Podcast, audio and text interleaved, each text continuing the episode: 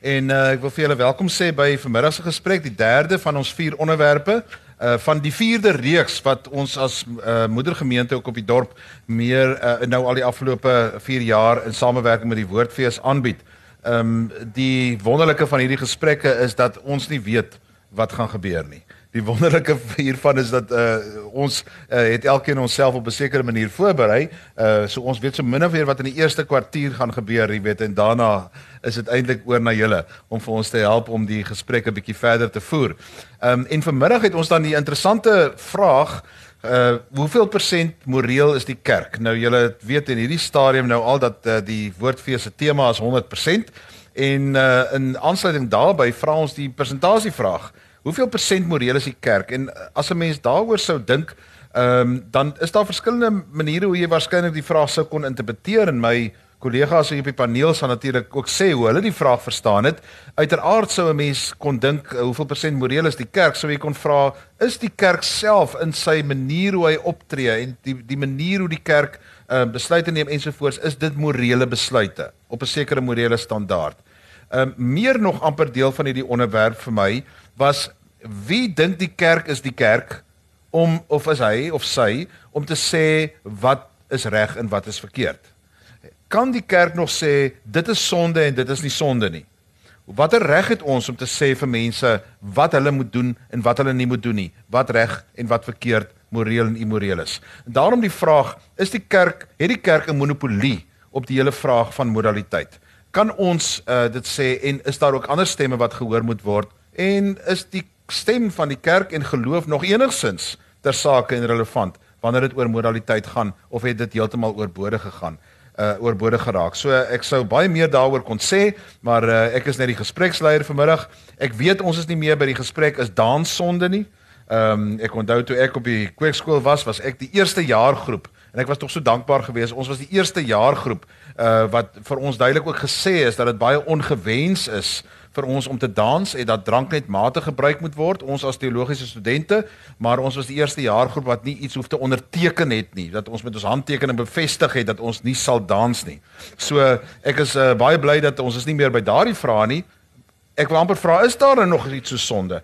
Ons weet nou dans is nie sonde nie. Is enige iets nog sonde wil die kerk dit vir ons sê behoort geloof dit vir ons te sê en vanmiddag wil ons die, die gesprek ook graag baie weier gooi uh, as net die NG Kerk en as net die selfs uh, gereformeerde tradisie en selfs ook net as die Christelike tradisie.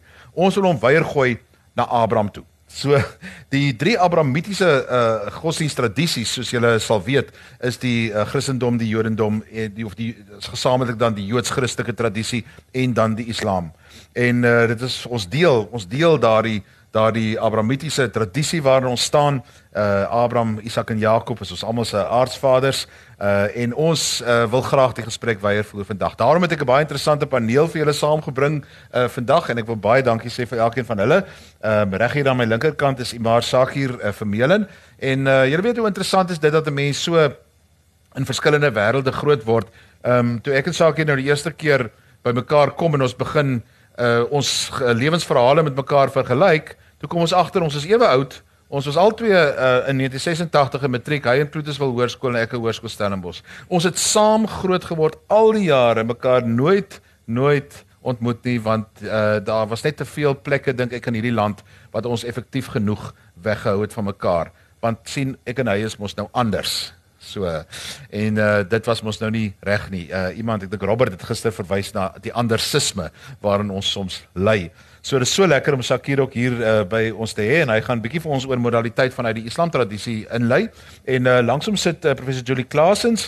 Sy is professor in Ou Testament by die fakulteit teologie en uh, op baie interessante ander punte ook by die woordfees betrokke. Verlede jaar was jy verlede jaar ook op die paneel. Toe was dit ook 'n gesprek rondom die vroulikheid van God dink ek uh, of uh, so iets. O, oh, dit was al nog verder terug. 'n uh, uh, ou hand hier op die op die blou bank en uh, uh dit is lekker dat jy ook hier kan wees. En nie net vanuit 'n feministiese perspektief nie wat ek dink 'n baie belangrike tema ook is by jou, maar wat het ons te sê vanuit die teologie, miskien ook vanuit die Ou Testament, vanuit die Joods-Christelike tradisie waarin ons staan oor moraliteit. En dan langs uh, Julie sit uh, Dominieus Jansens Jansen van Rensburg en uh, hy is 'n uh, predikant by die NG Kerk uh, Welgemoed, maar ook voorsitter van die Moderamen uh, van die NG Kerk So die uh, laaste uh moderator ook van die laaste algemene laaste twee algemene sinodes dan eintlik as 'n mens die spesiale een ook kan agneem en uh is dit ook lekker om jou hier te kan hê om so 'n bietjie miskien dalk ook vir ons te kan help met perspektief op kerklike strukture en wa, wat kan ons van die kerk verwag en wat kan ons nie van die kerk verwag nie. En uh dis is vir my lekker om julle almal aan die woord te stel. Ek gaan sommer by jou begin deel. As jy vir ons 'n eerste 5 minute inleiding kan gee, toe jy nou lees wat ons nou hier te te skryf het, wat het in jou gedagtes omgegaan? Yes Johan, baie dankie. Dit is 'n is 'n uitdagende vraag. 'n Belangrike vraag, uitdagende vraag wat ek nie dink um, 'n um, antwoord soos hy die die vraag gestel is regverdig. Want om presentasies toe te ken aan 'n uh, vraag soos hierdie is uh, is is uit die aard van die saak problematies. Die die die die vraag is ehm um, hoe moreel is die kerk? En nou mens moet miskien eers vra, jy weet, ehm um, wat, wat bedoel jy met moreel? Nou ons verstaan dat moraliteit 'n ding is wat so oud is soos die eeu. Lank voor haar kerk was dit mense morele keuses gemaak. Dit is nie 'n ding wat tot die kerk alleen behoort. En vir ons gesprek is dit belangrik dat ek sommer aan die begin wil sê, ons moet oor etiek en moraliteit interseksioneel dink. Daar's ook ander dissiplines as die teologie wat baie morele debat het oor etiese kwessies wat nie noodwendig vanuit die godsdienst uit opkom nie. So ons moet interseksioneel hieroor dink, maar kom ons begin by die begin want dis dit antwoord op die tweede vraag. Van die vroegste mense af. Ehm um, moes mense morele keuses maak. Al is dit die mees primitiewe keuse en dit het gewoonlik verband gehou met oorlewing. Gaan ek jou doodmaak of nie of gaan ek jou laat leef? Ter, en dit gaan om my veiligheid. En interessant in die woord ethos se oorsprong lê lê die begrip dat dit eintlik gaan oor veiligheid. Ehm um, so die die die die vraag die morele vraag is eintlik hoe kan ek hoe kan ek veiligheid waarborg? In latere debat ontwikkeling sê ons hoe kan ek 'n veilige bestaan hê en hoe kan ek floreer? Ehm um, maar basies is die hele gesprek oor etiese moraliteit 'n gesprek oor menslike gedrag vanuit eh, 'n uh, perspektief van goed of kwaad. So dit as agtergrond wil ek sê die vraag veronderstel amper ook iets van jy's moreel as jy by 'n bepaal aan 'n bepaalde vraag 'n uh, 'n antwoord gee. En nou wil ek dit betwyfel. Ek wil dit bevraagteken. Ek wil dit trouens om die waarheid te sê betwyfel. Ons is 'n morele gemeenskap wat beweeg uit ons oerverhale uit is ons moraliteit gevorm. En nie net die Christene nie, alle gemeenskap, alle mense is gevorm. Niemand kom in die wêreld in net de novo. Um die oomblik wanneer hy gebore word, is hy deel van 'n gemeenskap of sy wat reeds bepaalde morele oortuiging het waar binne jy in die wêreld kom. So jy's deel van 'n lang narratief waarin jy 'n bepaalde moment verteenwoordig en jy jou eie keuses dan nou selfstandig begin maak. Die kerk um het 'n lang narratief teen die agtergrond waarvan ons Ons begin daai nou wil nie. So moraliteit is 'n dinamiese proses wat altyd moet voortgaan. En soos die geskiedenis nuwe um ontwikkelinge het, stel dit nuwe vrae, nuwe uitdagings en selfs ou vrae word nie geantwoord binne nuwe kontekste.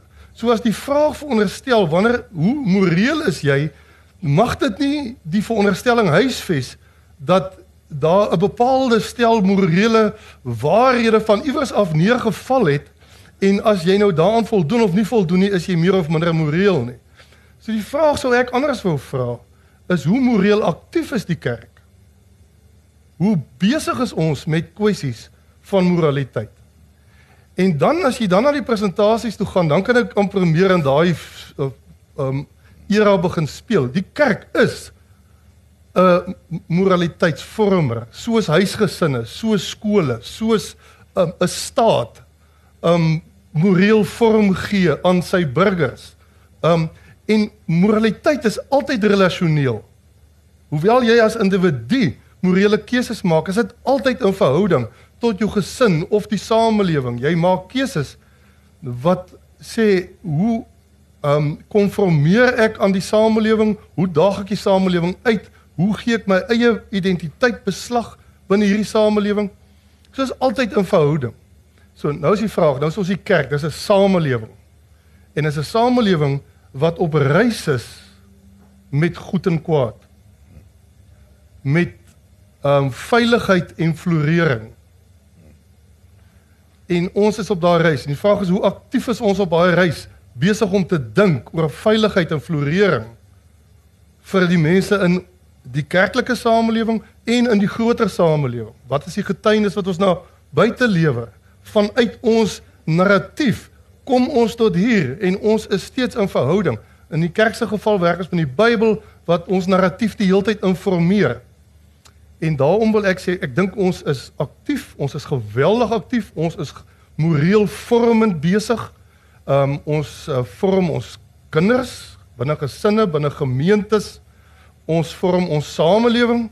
Ons het 'n ons is 'n gespreksgenoot, maar ons het nie 'n monopolie nie. Ons het nie die laaste sê nie. Ons het gewoon 'n getuienis van wie ons is, ons identiteit as 'n geloofsamelewing wat kollektief tot oortuigings kom en soms nie so kollektief tot oortuigings kom nie, waarin daar soms diep verdeeldheid is oor van hierdie prosesse.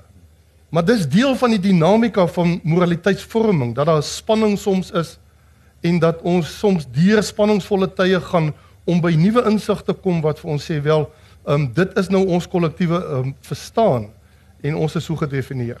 Baie dankie, dis vir my baie ander perspektief as waarmee ek amper groot geword het rondom die kerk waar Uh ek onthou 'n uh, nuusprogramme agenda en sulke goed was daar daai tyd gewees en as daar 'n morele kwessie is dan kry jy net op die ou en die professor in etiek van die kweekskool en dan spreek hy die finale woord nee, en dan weet ons almal dit is nou reg of dit is nou verkeerd. Ons doen dit nog steeds nie maar ons ja. weet ten minste dis nou verkeerd wat ons doen. Moralisme ontstaan presies daar hmm. waar daar mense is wat met dwang um en met allerlei forme van dwangmaatreëls 'n bepaalde verstaan van goed en kwaad op mense afdwing. In Suid-Afrika het ons mos wonderlike voorbeelde daarvan van hoe kerk en staat amper in een plek gekom het om bepaalde maatreëls af te dwing asof dit ja.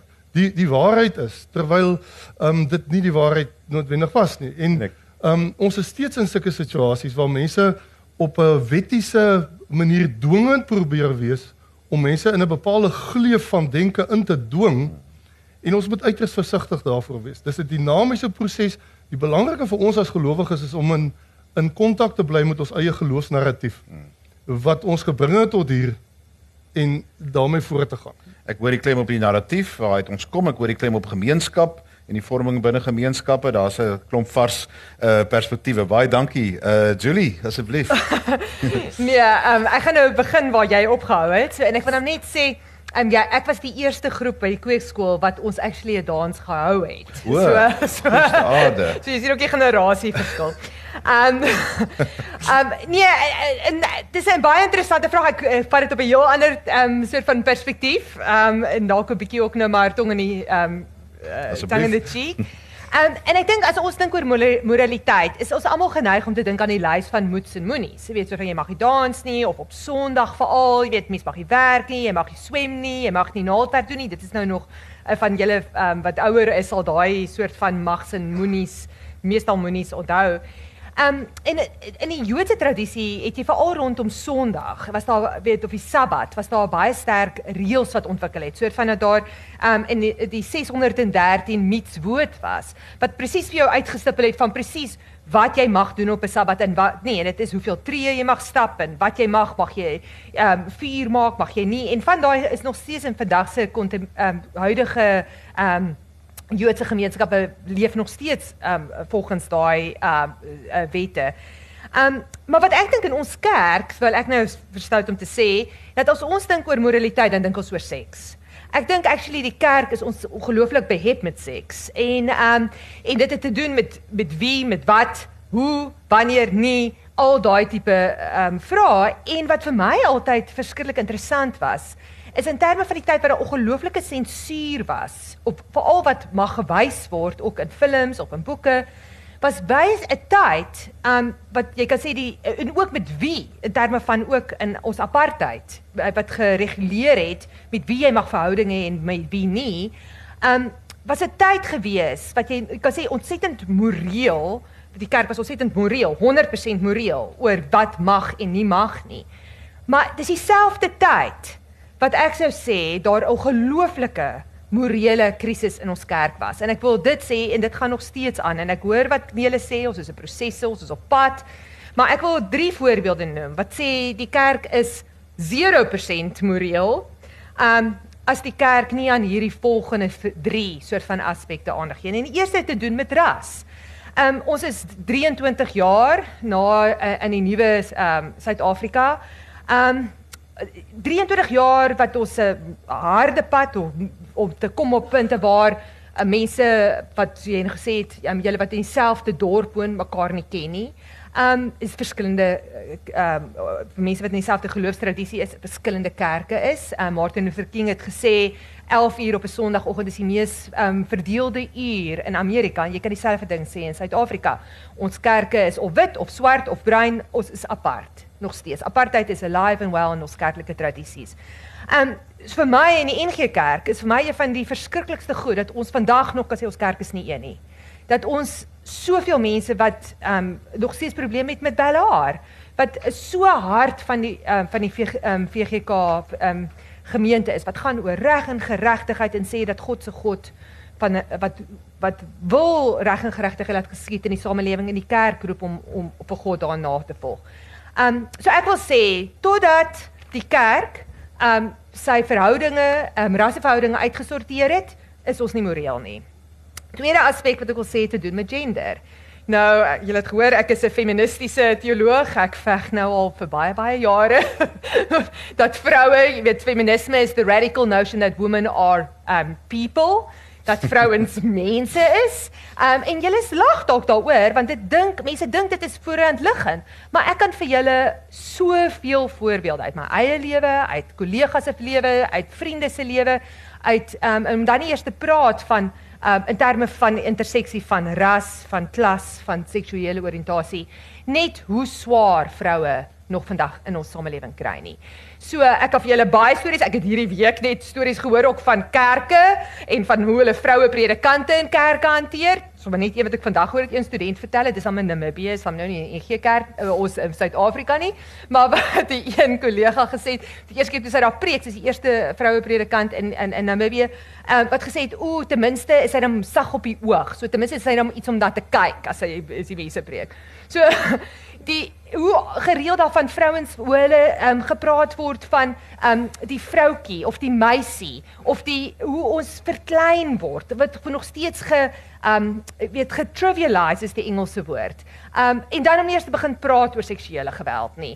Dit is die um, natuurlik die een um, samenbindende faktor in ons land is nie braaidag nie, nasionale braaidag nie. Dit is seksuele geweld. Dit is in elke ras, klas, kultuur um um um in ons uh, samelewing um word vrouens geslaan, vermoor, verkrag. Um en dit is ons eintlik moet almal elke dag swart aantrek totdat die seksuele geweld in ons land opgehou het. Um so ja, die kerk sal ek sê is 0% um moreel totdat daar hoe aangespreek word hoe vrouens as gelyk is op elke vlak um behandel word. En dan die laaste een is oor seksuele oriëntasie. Nou nie hulle weet dit is 'n baie pynlike in ons eie um uh, in die NG Kerk in 2015 was daar 'n uh, ongelooflike um sinode gewees waar Nelis ook die moderator was wat absoluut hierdie wonderwerk gebeur het. Wat die NG Kerk gesê het dat uh, mense van selfde slag verhoudinge um mag ook um um in in huwelike wees, uh, hulle uh, menswaardigheid is erken en soveel van ons gays broers en susters het uitgekom en uh, uit die kas uitgekom en gesê, "Jesus, my kerk wil my hê. Ek kan wees wie ek is." Um ek het nog vir 'n vriendin daai tyd toe sy so van ons set in Victoria, weet oorwinnend Victoria, was sy gesê, "Yes, finally, ons is hier." Daar gesê, uh, hou aan, daar gaan daar gaan uh, daar's daar dit is nie die einde nie. Ons is nie klaar gestry nie. 3 weke later, toe is daar 'n uh, uh, appel en toe die 2016 synode waar in ehm julle skaf julle ook baie die pynlike stories daar rondom vertel is die ehm um, besluit weer ehm um, ge-reverse. Ons nou weer terug is by die. So weer eens as die totdat die kerk ook hoe ons dink oor selfdeslagverhoudinge, oor ons gays broers en susters, hoe ons dit uitgesorteer het, kan is die kerk 0% moreel. Judy baie dankie. So uh, ek gaan vir uh, Sakir vra. Vir Sakir vra, um, uh, ons het juist nou, ek dink julle daarna verwys dat moraliteit nie noodwendig uh op ons afgedwing word of ons gegee word en so aan die uh in my onkunde het ek altyd gedink dit is hoe die die boodskap aan die profeet Mohammed gegee is yes. en dat dit is gegee en daar is dit en julle moet dit net gaan doen. Yes. Uh so ek is geïnteresseerd, jy weet uh, waar die Islam tradisie vir ons ook mee kan help. So seker asseblief. Ja, baie dankie Johan. My mede paneellede en almal die gaste wat hier is vanmiddag.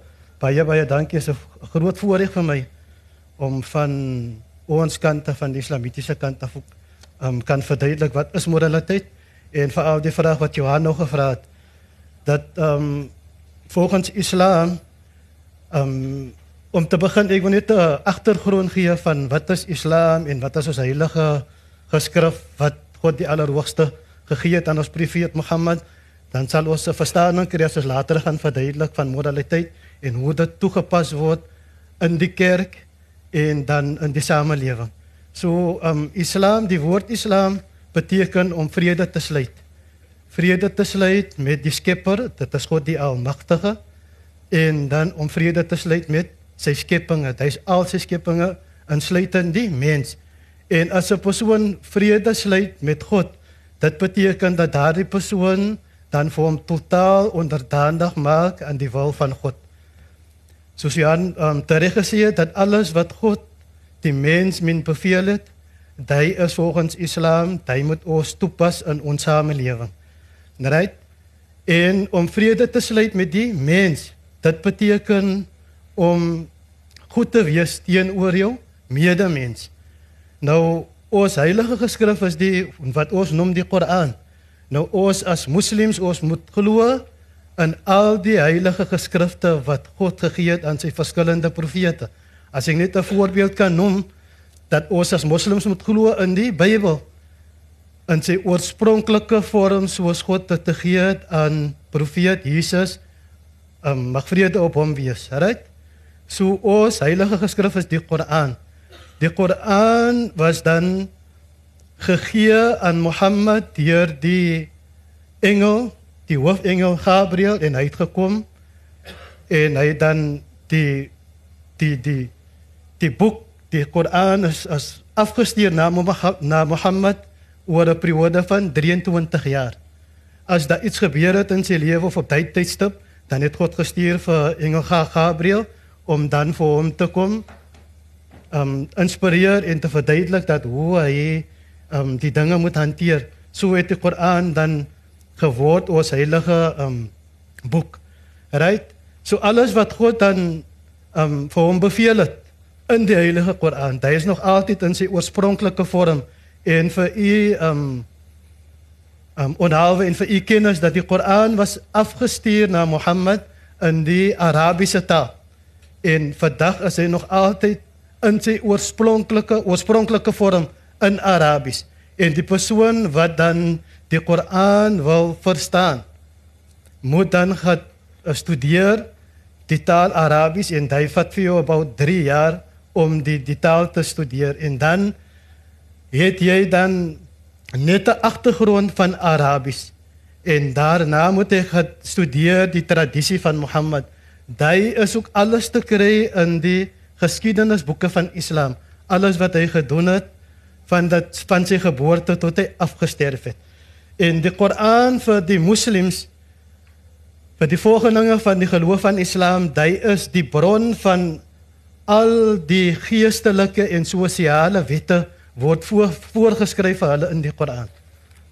Dan het God mag ek mag ek vra yes. uh, so 'n bietjie vir jou verder invra daarop. As die uh, om nou na die punt ook van moraliteit te gaan. So ons dit is waar die Koran vandaan kom en die wette sosiale en geestelike wette is gegee, maar tog in daardie tyd was daar tog nie 'n bewussyn van al die morele kwessies waarmee ons nou vandag sal sal tog worstel nie. Daar's tog baie goed vandag, jy weet, uh Juliet voorbeelde genoem byvoorbeeld van seksuele oriëntasie. Vandag sê die wetenskap 'n klompie goed daaroor en daar was miskien nie daai tyd daardie forme van uh uh, uh verbintenisse tussen mense van dieselfde geslag ensovoorts. Jy hoef nie spesifiek op die kwessie te reageer nie, hmm. maar waar, hoe kan uh, so 'n antieke boek en ons sit met dieselfde in die in die met die Bybel, hoe kan die antieke boek van die Koran vandag nog vir ons sê so moet jy lewe en so moet jy nie lewe nie? Ja, daar is sekere aspekte van ons lewe en sekere dinge wat gebeur in die moderne tyd.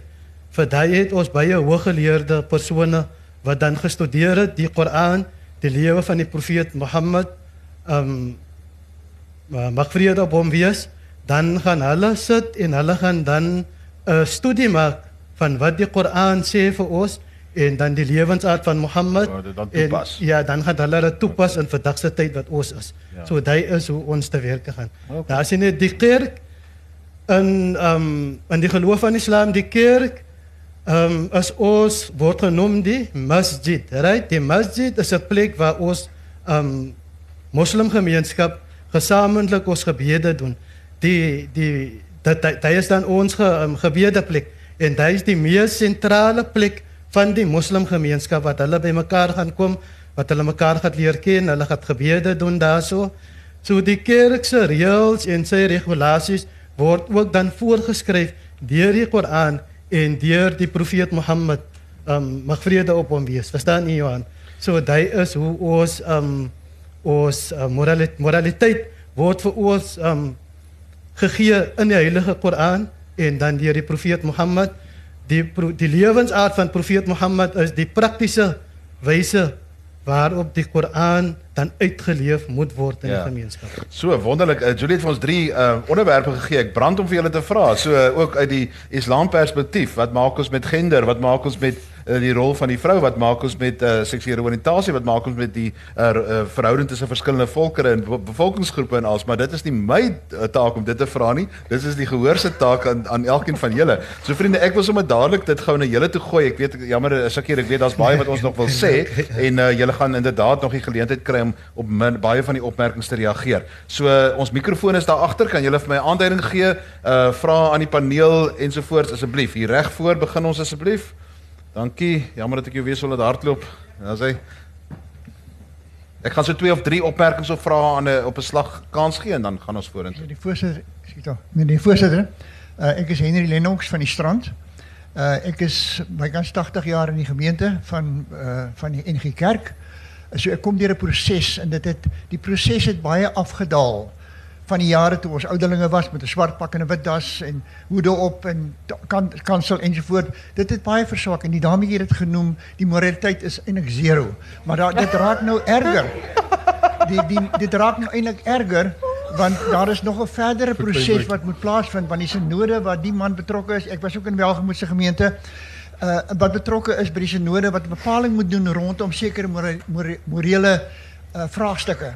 Nou die een groot morele vraagstuk wat heidaglik aan is, die selfde geslag verhoudings. Selfde geslag word hy toegelaat om te trou in die kerk. Daar's nog nie besluiting daaroor nie.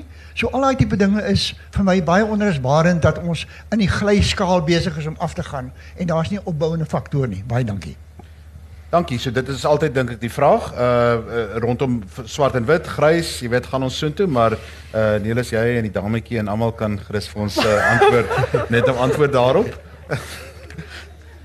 so ek gaan uit jou pad uit bly na die. Goed, dankie. Uh kan ons uh, nog opmerkings kry? Daai voor asseblief. Bly dat ek het ek uiteindelik in my lewenstyd die kans kry met die moderator van my kerk aan te spreek.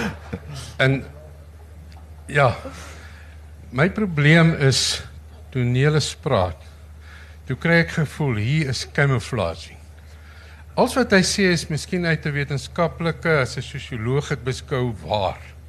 Dat goed is so gaan en jy's maar produk en so in. Op 'n stadium toe sê hy daar het nie iets uit die hemel geval nie wat 'n morele gids is nie. Nê. Nee. Toe kom Julie en sy het duidelike standaard. En daai morele gids wat ons is as ons onsself Christene noem, is tog dat jy jou naaste moet lief hê soos jouself. Dat jy selfs jou vyand moet lief hê. Dit is nie maar net iets wat nou hang af waar jy is en is relativeerend. Nou kan die sinode besluit jy het jou naaste lief en jy skaf apartheid af en môre draai weer om soos met dieselfde geslagverhoudinge. 'n uh, Mens moet tog 'n stand maak rondom daai beginsel van jy met jou naaste lief is soos jouself. Anders kan jy jou geen jy kan jou miskien 'n Christen noem wat glo Jesus is God, maar jy kan jou nie 'n Jesus volgeling noem wat glo jy met jou naaste lief hê nie. So Julie het duidelik 'n standaard gestel van wat beteken naaste liefde teenoor ander persoon van 'n ander ras, teenoor uh, vroue en teenoor mense van ander oriëntasie. Mense sou nog van die goedes uh, kan bygooi. Daar is vrouens wat mans ook slaan. Dit dit gebeur. En ek glo nie ek glo nie sy gaan 'n probleem daarmee hê nie. Maar die kriterium wat hierdie wêreld tot nodig het, is naaste liefde. Ander ding wat sy nie genoem het nie wat ek dink sy kan bynoem, is die gape tussen ryk en arm. En ek dink ook nie sy sal daarmee verskil nie. Maar ek voel 'n bietjie ek wil my moderator aanspreek rondom hierdie ding van so wollerig. Ek het vir myself gevra, ek het die koerant gelees. Uh sorry ek praat nou 'n bietjie lank. Mm -hmm. Wat hy vir 'n boeregemeenskap wat oor apartheid nie reg gedink het, het hy gesê, "Jy sal weet, gee my kans, ses spreuke of hoeveel. En dan kom jy na my toe terug." En u het daai boeregemeenskap oortuig dat die een boer gesê het as dominee as die ander jou nie 'n moeilikheid gee, stuur hulle na my toe rondom die rasse kwessie. Maar ek het geen stand gehoor rondom die gay kwessie nie. Dit pla my 'n bietjie. Ek moet sê baie dankie. Baie dankie. Ek gaan nog een opmerking toelaat en dan uh, gaan ons eers nog 'n ronde na die paneel toe gaan daar in die middel. Dankie. Ja, meneer Jammer. Ehm um, dis Paul van der Eems van Milnerton. Uh, wat my interessant is die die die uh, okay aan die aan die linkerkant het hy nie daai standpunt gemaak maar die mense van die NG Kerk is baie gekant teen reëls en regulasies. Die kerk moenie reëls en regulasies maak nie. Maar ons leef toenademend in 'n nanny state soos hulle noem, waar die staat vir ons tot in die fynste besonderhede sê hoe ons moet leef. Maar die kerk het nie 'n probleem daarmee nie. Dis my 'n bietjie twee gesig. Baie dankie. Ek gaan gou ons gaan nog 'n ronde kry na die gehoor toe. Dalk hooplik twee rondes nog. Uh so eers enige opmerkings, Julie? uh baie dankie. Dit is wonderlike um, vraag. Um laat ek net eers sê, um wanneer ek nou gesê die kerk is 100% nie moreel nie. Wil ek dit nou omdraai en sê ook wie is die kerk? Want die blote feit dat ek hier kan sit as 'n predikant van die NG Kerk, as 'n professor by die Kweekskool, het te doen met die kerk, my kerk wat iewers in 1990, uh toe ek my finale jaar op hoërskool was, 'n standpunt ingeneem het gesê vroue kan predikante word. So Willie Jonker het altyd gesê selfs die kerk kan verander. So wie is die kerk? So weer eens in my kerk is daar mense, baie mense wat presies doen wat Eben sê. Wat wat liefhet, wat aktiviste is, wat mense um die ek die die die um heeltyd dink, leef en dink oor hoe kan ons hierdie kerk verander? En ek weet my moderator is ook een van hulle. Ek weet ook met dieselfde gesag verhoudinge um ek bedoel hoe ek ek ek ken sy hart. Ek weet hy het 2015 is Bybel weet dis waar wie ons wil wees. Maar hoe draai jy hierdie skip? Hoe draai jy in in in die komplekste um politics, kerkpolitiek, waarvoor ek geen krag het nie. Ek bedoel ek het genoeg in politiek in, in die universiteit. So maar maar om die kerk te probeer kry dat hulle anders dink.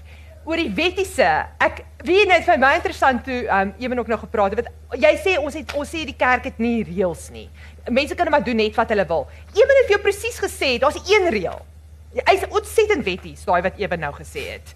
Jy jy het jou naaste lief. Dis die enigste reël. Dis die enigste reël wat die kerk en ons weet hoekom weet ons dit want dit is ook wat in um toe Jesus toe hulle vir hom vra wat is die een reël? Wat is wat is wat ons moet doen? Jy moet jou naaste lief hê soos jou soos um soos jouself. Jy moet vir God lief hê. As jy vir God lief het, dan sal jy vir jou naaste lief hê. Dis al. Ellis? Uh, baie dankie vir die vraag. Dit die, ek ek wil baie kategories sê. Ek het dit ook in my openingsopmerkings gesê dat dit verskriklik belangrik is vir ons om op die verlengde van ons eie narratief te bly dink. En dit sluit presies in dat ons dit wat in die skrif staan dodelik ernstig neem want dit is hoe ons narratief soort van um ontwikkel het deur die Ou Testament, deur die Nuwe Testamentiese gebeure, deur die tradisie van daar tot nou. So ons dink op die verlengde daarvan en dis nie asof ons net filosofies met um etiese kwessies omgaan nie. Ons gaan inderdaad om met die een wat ons die hoof van die kerk noem, se leier, se leiding vanuit die evangelie. En dit is vir ons baie belangrik. So ek laat daar geen misverstand daaroor wees nie. Die punt is net dat um, en en dis dis dis die punt wat ek ook aanvanklik probeer maak het is dat ons 'n gemeenskap op reis is met die waarheid. Daai waarheid van die evangelie. En dat dit 'n ontvouende waarheid is. Uh, het ek ook aanvanklik gesê. So die vraag is vanuit daardie evangelie, vanuit daardie verhaal, hoe ehm um, wat is die applikasie daarvan? En hoe werk die applikasie daarvan binne die huidige konteks? En nou kan ek 'n antwoord hê, Juliet 'n antwoord, elke ander NG lidmaat wat hier sit het 'n antwoord. Die vraag is, hoe is ons as gemeenskap um op reis hiermee? Nou as Drukkie Smit skryf oor moraliteit, as professor Huwer skryf oor moraliteit en die kerk, dan sê hulle maar definieer net eers gou die kerk. Van watter kerk praat jy? Praat jy van die gemeente, praat jy van die kerk in streeksomstandighede, praat jy van die aanbiddende kerk, praat jy van die kerk se profetiese stem? van van watter kerk praat jy? En natuurlik praat ons hier van al die gestaltes van die kerk in minder of meerdere mate. As ons praat van die kerk as groter kollektief, dan sê ons, "Jesus, binne hierdie kollektief is daar 'n diversiteit van standpunte." Die ideaal sal wees dat ons omdat dit 'n omdat hier sake is wat dringend 'n leiding verg van die kerk, dat ons al hoe meer van een plek af praat oor hierdie kwessies. En om daai plek te vind is die, is die reis waarin ons op die oomblik is. Byvoorbeeld met selfe geslagverhoudings. Ons het die hele spektrum van standpunte binne die kerk en almal gebruik dieselfde narratief om hulle self te verantwoord. So die vraag is en ek kom weer terug na my oorspronklike punt toe. Hoe aktief is ons nou in daai veld besig om mekaar te soek en moral 'n nuwe morele oortuiging uh, te vestig met mekaar, nuwe morele ooreenkomste aan te gaan? As jy dit vergelyk met 'n huisgesin, jy jy saam op 'n reis met bepaalde oortuiging en bepaalde gewoontes en bepaalde etiek, moraliteit. En dit vorm en jy's 'n klein groep en jy kan soort van en ons kry dit nie altyd reg met ons met ons kinders om selfs in 'n gesin van 5, jy weet almal met dieselfde etiek te laat werk nie. Trouwens ons ons kry dit selde reg. Nê. Nee, nou sit ons in 'n kollektief van 'n miljoen mense argumente wat daar En die vraag is hoe kry ons dit reg? En dit is nie so eenvoudig nie. Dis 'n proses aanslag. En wanneer 20% van daardie kollektief kom en sê maar ons weet nou wat die antwoord is, beteken dit nog nie. Ons het die hele um kollektief saam met ons in 'n gedeelde oortuiging gekry nie. Dis 'n reis en daai reis moet ons baie ernstig neem en ons almal het standpunte. Ek het ook my standpunte daaroor. En uit die aard van die saak probeer ons mense oortuig van wat ons glo dat dit inderdaad die regte vertolking van ons tradisie is. Ehm uh, Niels ek uh, dis net 'n vraag wat brand by my. As jy sê jy jou eie standpunt, jy maar dan het, verteenwoordig jy ook 'n bepaalde struktuur op 'n stadium.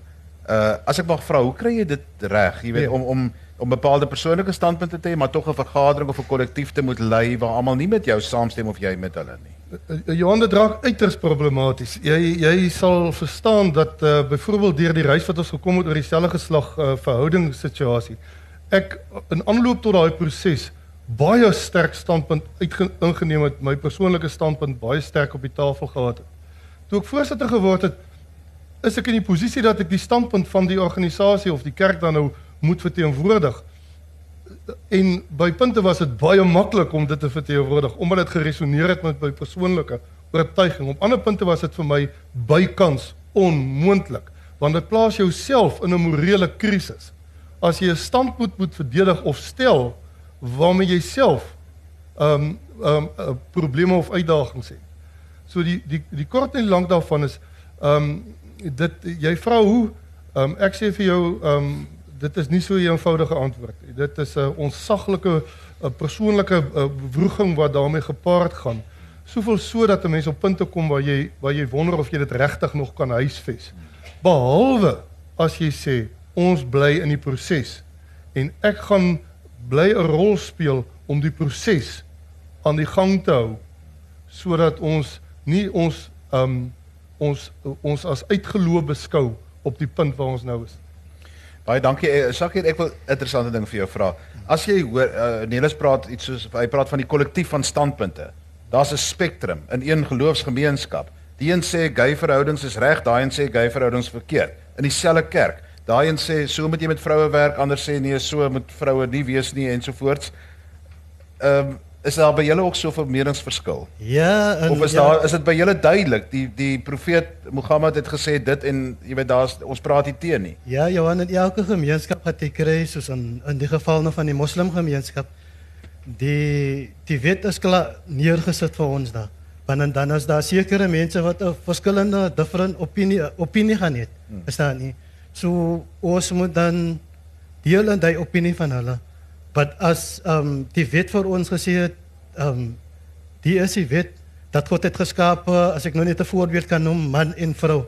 Die natuur um, is dat dat die man en die vrou hulle gaan trou. Wat is onnatuurlik dat 'n man en 'n man gaan trou of 'n vrou en 'n vrou, verstaan jy nou? So ek dink daai is gewoontes wat ons aangekweek het oor die jare. Um nou het dit deel geword van ons um as ek dit mag noem ons geloof en dit raak um baie moeilik.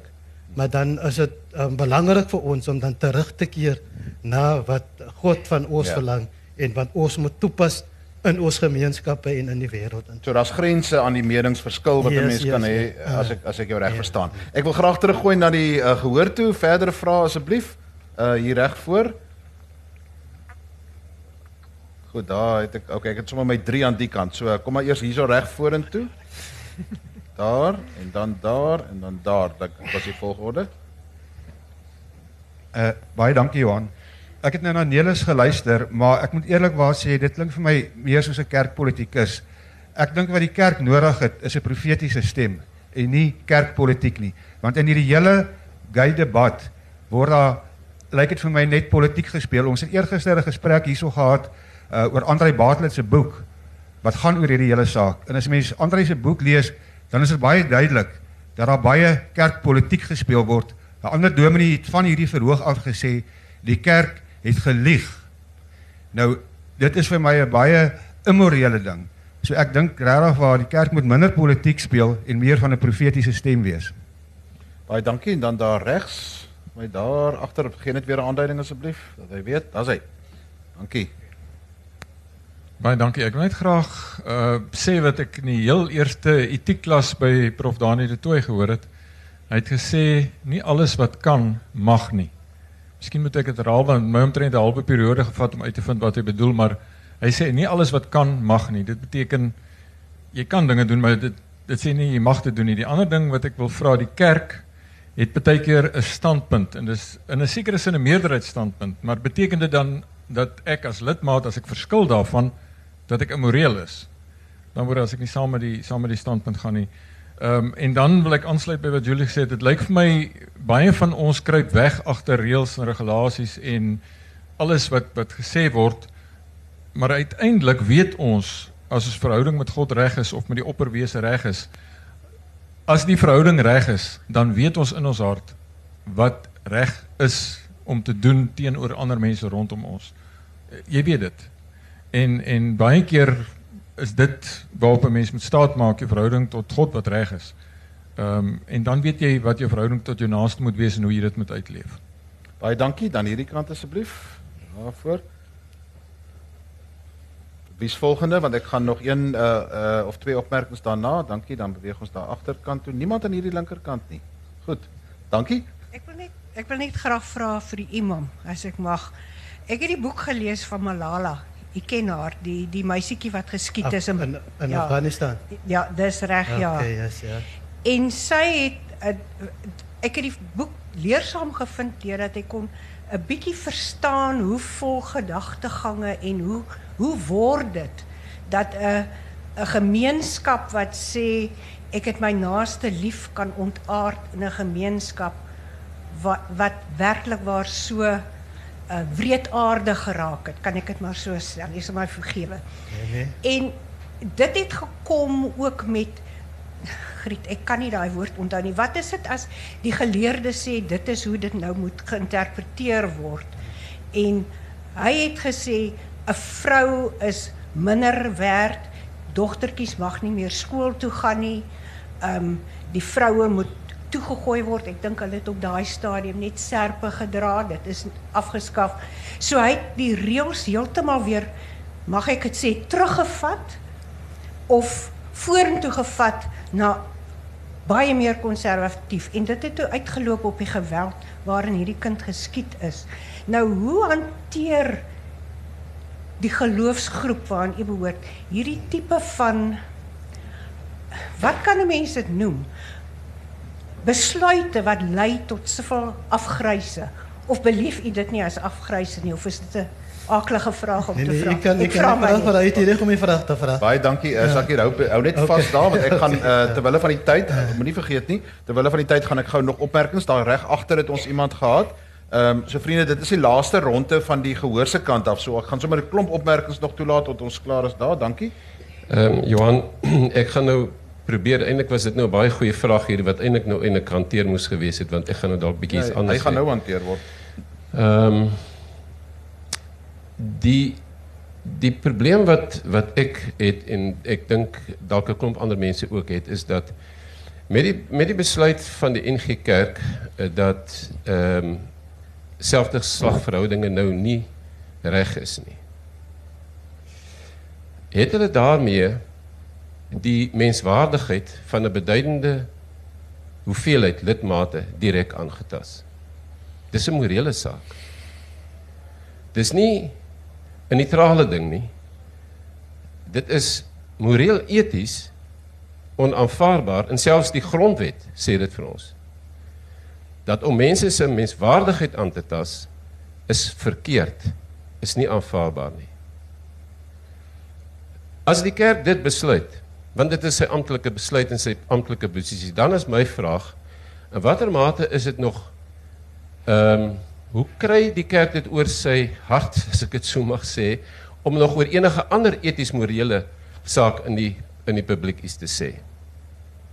Ehm um, as hulle byvoorbeeld uh, iets wou sê oor die korrupsie in die land en die oortreding of die minagting van die grondwet van die land. Maar in terme van artikel 9 van die grondwet, minag hulle self die grondwet. Watter morele posisie is dit? Vorige volgende punt net hier aan en daarmee is ek nou klaar. Vir my is die ergste van die hele ding eintlik dat die een wat hier of die konsep wat hier in die meeste skade lê aan integriteit is God self. Want onder die begeleiding van geloofsonderskeidende gesprekke en luister na die woord word een besluit geneem 1 jaar en die volgende jaar onder beleide geleiding van geloofsonderskeidende gesprekke word 'n ander besluit geneem. En as God dan iets hiermee te doen het of 'n godheid is die vraag is dit nie op daardie konsep se integriteit wat die meeste wat daaronder lê nie. Baie dankie. Ek gaan dit hierdie kant toe dink ek was daar iemand en dan gaan ons nou dit is daar nog iemand? Goed, daar en daar en dan die laaste asseblief. Goeiemôre. Ek is uh, Willem Moor. Ek kom van Windhoek in Namibië. ek is uh, ek beskou myself as 'n Stellenbosser, maar ek bly al 30 jaar in Namibië. Ek werk daar in die veld van etiek.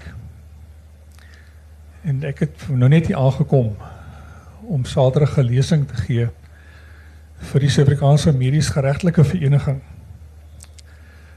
oor die soos hulle gesê die foundations of morality and ethics. En ek het gedink miskien sal dit goed wees om net enkele opmerkings daaroor te maak want baie van die wat ek amper sê hier's mense wat gepraat het van wollerigheid en vaagheid en allerlei ehm um, beskrywings. En Willem, van- ekskuus, ek moet vir jou vra terwyl ek die tyd dophou. Jy kan nie vir ons die hele lesing kan gee nie. Gaan jy vir ons daar net so Ek so sin of twee gee? enkele Paar opmer- enkele opmerkings. enkele opmerkings sal doen, dankie. ek wil ehm uh, aansluit dan ook by van die sprekers. Ehm um, Johan, uh, jy het 'n opmerking gemaak dat etiek baie ouer is as die kerk. En een van die belangrike goed wat ek dink 'n mens moet weet is dat etiek lank voor die kerk en moraliteit, die hele konsep van moraliteit en etiek lank voor die kerk uh, tot stand gekom het en wel presies soos wat jy gesê het in onderlinge verhoudings rondom samelewing en en en veiligheid en uiteindelik ook later aan die denke van Sokrates en die mense ook oor goeie lewe, 'n gelukkige lewe ensovoorts ensovoorts. Ehm um, en dit het deurgeloop het tot vandag toe daardie lyne, maar wat interessante ding wat ek nou wil sê en dit wil ek nou by die voorsitter ehm um, aansluit net nou wat hy vroeër in die begin gesê het, jy weet uh, het die kerk nog reg op moraliteit. En dit gaan vir u skok in die voorster, maar in die 17de eeu het die kerk reeds het die, die westerse wêreld reeds afskeid geneem van die kerk as 'n as 'n as 'n orgaan wat kan wys wat is reg en verkeerd. Daar's 'n klomp redes daarvoor gewees. Onder andere die onvermoë van die kerk om duidelik te kan praat. Die goed wat wat wat genoem is hier. Om met een mond uit te kan praat. Die korrupsie in die kerk, die 17de eeu. Ons praat van daardie tyd reeds. Tot op daardie stadium uh, is daar gepraat van 'n morality of obedience waar mense geglo het jy moet uh gehoorsaam wees aan wat God vir jou sê. Willem ek is verskriklik jammer dis 10 voor ek moet die gesprek Van die 18de eeu af ja. is daar gepraat van 'n morality of ja. self-governance waar mense nou self besluit. Hm. So ek wil maar net dit bygesê. Dankie. Baie dankie. Ek is verskriklik jammer dat ek so onderbreek. Hoor, ek uh, moet net die tyd in ag neem want daar begin uh volgende uh 3 uur begin daar volgende vertonings en mense sal julle sal nou sien mense sal begin gaan. So laaste baie kort opmerking asseblief. Ek is Christel. Hy's aan? Hy's aan. Hy's aan. Ek wil net sê, weet jy, ek ondervind dit deur my hele lewe en ek kom met 'n Christelike agtergrond uit. Dat die mense verstaan nie onvoorwaardelike liefde nie. En dan het ek 'n probleem met die Christelike geloof. Want sodra ons nog sê dat ons 'n God van liefde aanbid en ons sê hy's 'n veroordelende God wat mense hemel toe en hel toe stuur, dan sukkel ons met hierdie probleem. Baie baie dankie. So ek wil vra, ons het alle kerke aanbid tog een God of het elke kerk sy eie God. So daar's een Vader soos ek dit sien. En hy is onvoorwaardelike liefde. Dan kan ek nie sien hoekom sukkel ons met hierdie probleme nie want sodra ons nog begin veroordeel omdat ons glo aan 'n veroordeelde God wat ons hemel en hel toe stuur gaan ons nie hierdie probleem oplos. Ek is so dankbaar jy bring ons na daardie essensie toe terug. So ons gaan nou 'n laaste uh, opmerkings van julle kry en ons is 'n bietjie onder druk, maar asseblief, dit is belangrik. Uh Nelis, ek wil spesifiek as jy miskien uh, op die vraag kan reageer, kan die kerk nog enigsins oor enige iets sê as die kerk dan die grondwet sou minag? Uh was die opmerking gewees? Uh saak hier as dit gebeur, as as die as die Islam dan nou uh lyk asof dit in sekere opsigte lei tot geweld teen vroue en kinders ensovoorts ensovoorts wat maak ons daarmee en uh Julie jy het die wonderlike voorreg om dan vir ons die finale antwoord te gee. uh Johan kan ek kan ek gou sê as as as 'n mens op uh, die waarheid die morele waarheid as 'n statiese ding sien en ek is bevrees ek hoor die ondertone daarvan Ons het dit nou, ons weet nou wat die waarheid is, so almal moet nou net tot daar kom. Dan kan jy sê nie maar almal is er nog nie daar nie, so ons is nie moreel. En ek het in die begin gesê dit is 'n reis wat onderneem word. Dis 'n proses. As ons terugkyk in die geskiedenis van die kerk en Willem jy dit sopas gesê, vanuit die 17de eeu en van vroeër af al was daar protes teen die wyse waarop die kerk op 'n bepaalde gegeewe punt met die waarheid gehandel het. Dit was nog altyd so, om die waarheid te sê, Ek dink dit was van die begin van die kerk af so. Dat daar morele kwessies ontstaan het waarmee almal nie saamgestem het nie en wat die kerk onder verdenking gekom het dat hy nie moreel is nie. Met na aanleiding van 'n bepaalde kollektief se oortuiging nie moreel was nie. Ons is steeds op sulke punte. Ons was met apartheid op daai punt. Eintlik moes ons dan gesê het na apartheid die kerk nooit weer iets te sê gehad. Maar ons is deur daai noute. En ons het aan die ander kant gekom waar ons nou in terme van die rasse goed op 'n plek is waar ons regtig kan deelneem aan hierdie gesprek. Dit het ons 30 jaar gevat om weer 'n effektiewe stem te raak in die gesprek oor rasisme.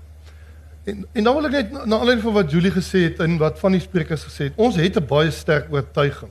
En die oortuiging is inderdaad 'n oortuiging dat Jesus sê en hy is radikaal daaroor. Hy is so radikaal soos kan kom.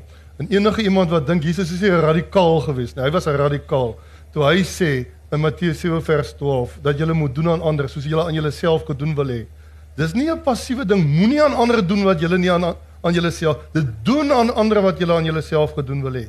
En dan sê ek vir jou vandag persoonlik is daar situasies in die kerk en ek praat van die NG Kerk en ek praat van 'n klomp ander kerke. Is daar situasies in die kerk wat nie aan daai morele eis voldoen nie. Wat nie die kerk in sy geheel immoreel maak.